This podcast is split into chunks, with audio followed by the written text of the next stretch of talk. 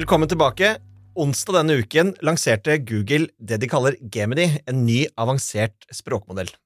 Og den har jo veldig mange her på huset snakket om, eh, i hvert fall de siste timene. Hva er det det betyr, og hva er det det eh, inneholder? Og Derfor har jeg invitert med meg to AI-engasjerte eksperter her i studio. Simen Aukland og Alexander Solbakken. Velkommen. Begynn med deg, Alexander. Mm. Hva er det største ved denne nyheten? Altså, eh, det store her er jo at nå har OpenAI i et år egentlig vært helt sånn uten tvil leder innafor det vi kan kalle store språkmodeller, med GPT, GPT4, ChatGPT, eh, som egentlig har vært litt sånn overraskelse. Altså, et selskap på 700 ansatte har klart å slå eh, giganten Google, blant annet, da, med sine 150 000. Altså, en knøtt har Det er litt sånn David og Goliat-fortelling. Eh, hvor de egentlig har leda an. Og så har nok dette irritert både Google, Meta, mange av de andre store tech-selskapene, som har egentlig sagt at de skal være AI first, det har de sagt i ti år. Eh, og det som nå har skjedd, er at de endelig har klart å ta igjen GPT4, ta igjen OpenAI sitt enorme teknologiforsprang. da. Men hva er det vi vet foreløpig om, eh, om dette? Hva er det som skiller eh, Gemini med, mot eh, ChatGPT? Simen? Altså, det man hører fra Google, er at de, altså, de har jo behov for å, eh, for å differensiere seg fra OpenAI, og det, det, de, det de sier? Vi kan jo ikke teste dette eh, helt ennå. Det ligger en pro-versjon av modellen i eh, Bard, Mm. men ikke Ultra, som er da den GPT4-killeren. Den er ikke tilgjengelig på markedet ennå. Men det de sier, eh, som da kommer, og det som vi vil se fullt og helt i januar, er jo at de satser i mye større grad på å være en sånn multimodal eh, Hva skal man si klient, eller Ja. Eh, som vil si at vanligvis når man har trent opp disse modellene, som skal forstå flere medium, da, både én ting er tekst, men også bilde, video, som vi så eksempler fra hos, hos Google eh, på onsdag, men også altså, eh, ja, alle disse ulike mediene, så har det vært ulike modeller som er på en måte knytta sammen. Eh, det Google sier nå, er jo at eh, dette er en modell som er trent opp, én modell, trent opp til å forstå alle disse mediene, eh, ja, i én og samme. Forstå film, forstå bilder, forstå tekst. Ikke bare tekst, sånn som var utgangspunktet til, til OpenAI i starten. Mm. Og så sier de en ting til. Det sier vi differensierer oss på to måter. Det er det ene, multimodalt. Det andre er at eh, de mener at de, eh, deres modell resonnerer eh, i mye større grad eh, og på en mer avansert måte enn det, enn det GPT4 gjør. Og de har et banalt eksempel i lanseringen sin. Nå eh, kan du stille et spørsmål, da. For eksempel så sier du, så sier du Sindre, eh, lag en eh, minireklamekampanje om det nye produktet Bilvaskeren, for du skal lage bilvasker. Eh, og så eh, vil den da eh, Da vil den først tenke Er denne prompten som Sindre nå har skrevet, er den Skal jeg besvare det med tekst, eller skal jeg besvare det med bilder? Mm. Så den vurderer det først. Og så sier den ja, jeg vet jo hvordan en bilvask ser ut, så da kan jeg besvare Sindre med bilder. Jeg kan allerede nå begynne å foreslå retninger. Og så begynner den å tenke hvordan skal jeg presentere forslagene til Sindre? Men, og det her er jo egentlig eh, Google selv har jo også testet eh, dette opp mot, og så er jo selvfølgelig, når de tester opp mot GPT4, så er det jo selvfølgelig ikke uavhengig, men de sier jo selv at de er eh, bedre og kraftigere på de fleste svarene de har eh, gjort. Og så har jo dette en forhistorie, fordi dette har jo litt blitt hevdet før også, at eh, Bard var like sterkt som eh, GPT og GPT4, og så sa jo markedet at eh, nei, det var ikke helt sånn, og så kom det mye artikler på det.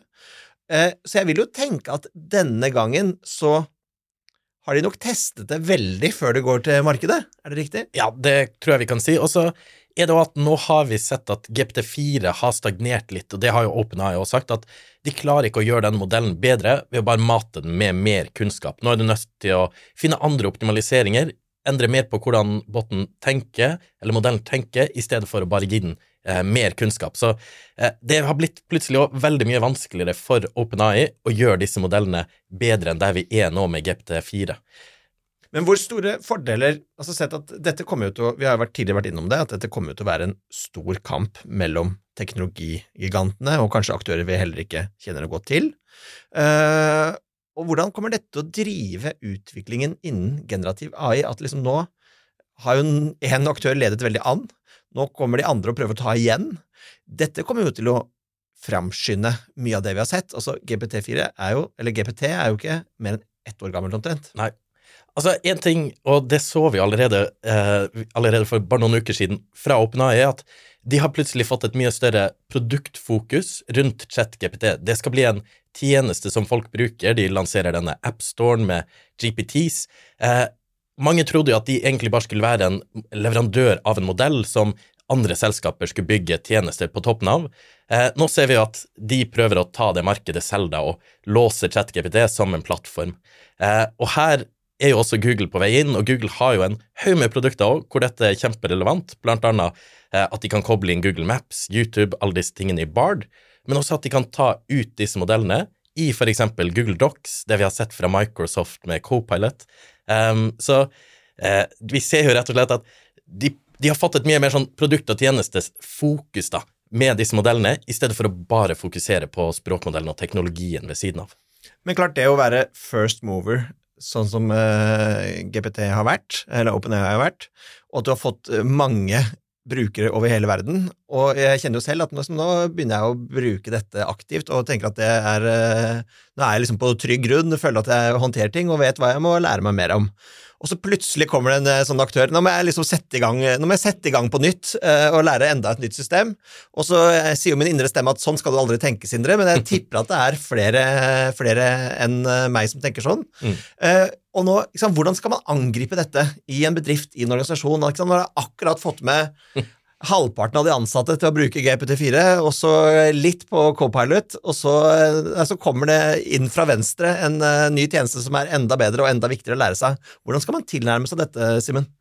Man kommer til å oppleve at det er ekstremt mange konkurrenter som kommer. OpenAI begynte, nå kommer Google, og så kommer selvfølgelig eh, Facebook etter. Alle, alle kommer til å ha dette på en eller annen måte i produktene sine. Men vårt svar er jo eh, enkelt. Hvis du er i gang med et eh, prosjekt, spiller ikke noen rolle hva slags, eh, hva slags klient eller modell det er på. Det viktigste er at du begynner å bruke det, at du bruker det mye, at du lærer deg å bruke det. Ja, og her har jo også de vært ganske smarte i Google, fordi eh, alle som har bygd tjenester på API-et til OpenAI, kan i praksis bare med veldig veldig få endringer hoppe over til Google. Sånn at det, hvis, hvis, du har en intern GPT, så er det kjempelett å flytte den over til å kjøre på Gemini i stedet for GPT plutselig, da. Eh, så her har de vært smarte i hvordan de har lagt opp for å flytte brukerne. da. Og dette, eh, Men jeg tror, det er jo litt sånn med iPhone, for eksempel. Så er det jo alltid litt sånn Hvis du vet at det kommer en ny iPhone, så velger du å utsette kjøpet av liksom den, den, som snart er gammel. Men der er jo frekvensen helt annerledes, ikke sant? for det er, det er måneder og år som regel mellom. Her skjer det jo noe uke til fra uke til uke, så det handler jo egentlig om en grunninnstilling om at du, du kan ikke du kan ikke hoppe og bare velge én vei. Du må, du må, egentlig ha en bred innstilling og tenke at liksom, de gode produktene eller de gode, de gode, løsningene de kommer fra et annet sted, og så handler det om å finne riktig verktøy og motorer som gjør det. Og det kan jo godt være at det er sånn at denne løsningen er bra for visse tjenester, mens uh, uh, GPT er bedre løsning for andre typer løsninger. Jeg vil jo nesten tro det. Og så bare kaste det på deg, fordi det handler litt om du må jo eh, du må begynne å bruke det. Eh, og så kan du jo Du skal ikke sitte og vente på en ny iPhone før du skal lære deg iPhone. Nei. Og det slår meg eh, når jeg tar eh, T-banen hver dag, så, så, går jeg forbi Sporveien sin uh, nye AI-kampanje, som er 100 mid-journey, mid eller altså, AI-generert, da, bilder. Um, og mange er jo ekstremt kritiske til Sporveiens bruk av AI, og det er jo helt naturlig at man er det, men det som er fiffig, er jo at Sporveien gjør det. Ja, ja. Det er jo eh, det, det, tror skal, det, tror jeg skal, kontre alle motforestillinger man har mot eh, Sporveien som gjør det. Altså. Ja, Ut fra en organisasjonstankegang om at man faktisk eh, gjør det. Mm. Ja. Hva tror vi, altså Dette er jo en livsfarlig spørsmål, men det er jo fordelen med at jeg eh, stort sett stiller spørsmål, og dere svarer. Hva, hva, kommer til å være, hva er det neste nå, tror du? Altså, eh, En ting som er litt sånn spennende, og som også kommer med Gemini, er at de også lanserer en modell som kan kjøre on device. Eh, alle disse andre verktøyene går jo til en cloud, du er avhengig av en internettforbindelse. Eh, mens dette on device, eh, disse modellene, er jo kjempeinteressante, særlig for Google, som sitter på Android og da kan putte dette på sine telefoner. Og så klart også for Apple, som lenge har sagt at de fokuserer òg all sin trening all sin AI-trening på on-device AI. Eh, rett og slett AI som da ikke skal være så ressurskrevende, mye mer lean, altså mye mer energisparende, eh, men smart på nivå med de modellene vi har nå, da.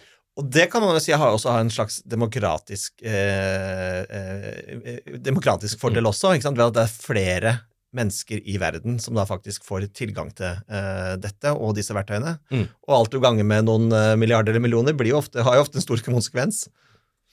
Absolutt, og kosten nå fortsatt på disse modellene, GPT4, er jo relativt høy, så høy at for mange så gir det ikke mening å putte det inn i tjenestene sine fordi det ikke skalerer godt nok da, mens når du kan kjøre ting on device, eh, så blir det mye, mye lettere å få ut denne tekken egentlig overalt da. Og tenker jeg bare On The Vice, da, Når vi snakker om on-device eh, AI, så har jo da eh, Vi må ikke glemme Elon Musk, den gale milliardæren Elon Musk, har jo også en, eh, en AI-selskap som heter XAI. Mm. Eh, og det blir jo ikke sant, Han eier jo Tesla, han.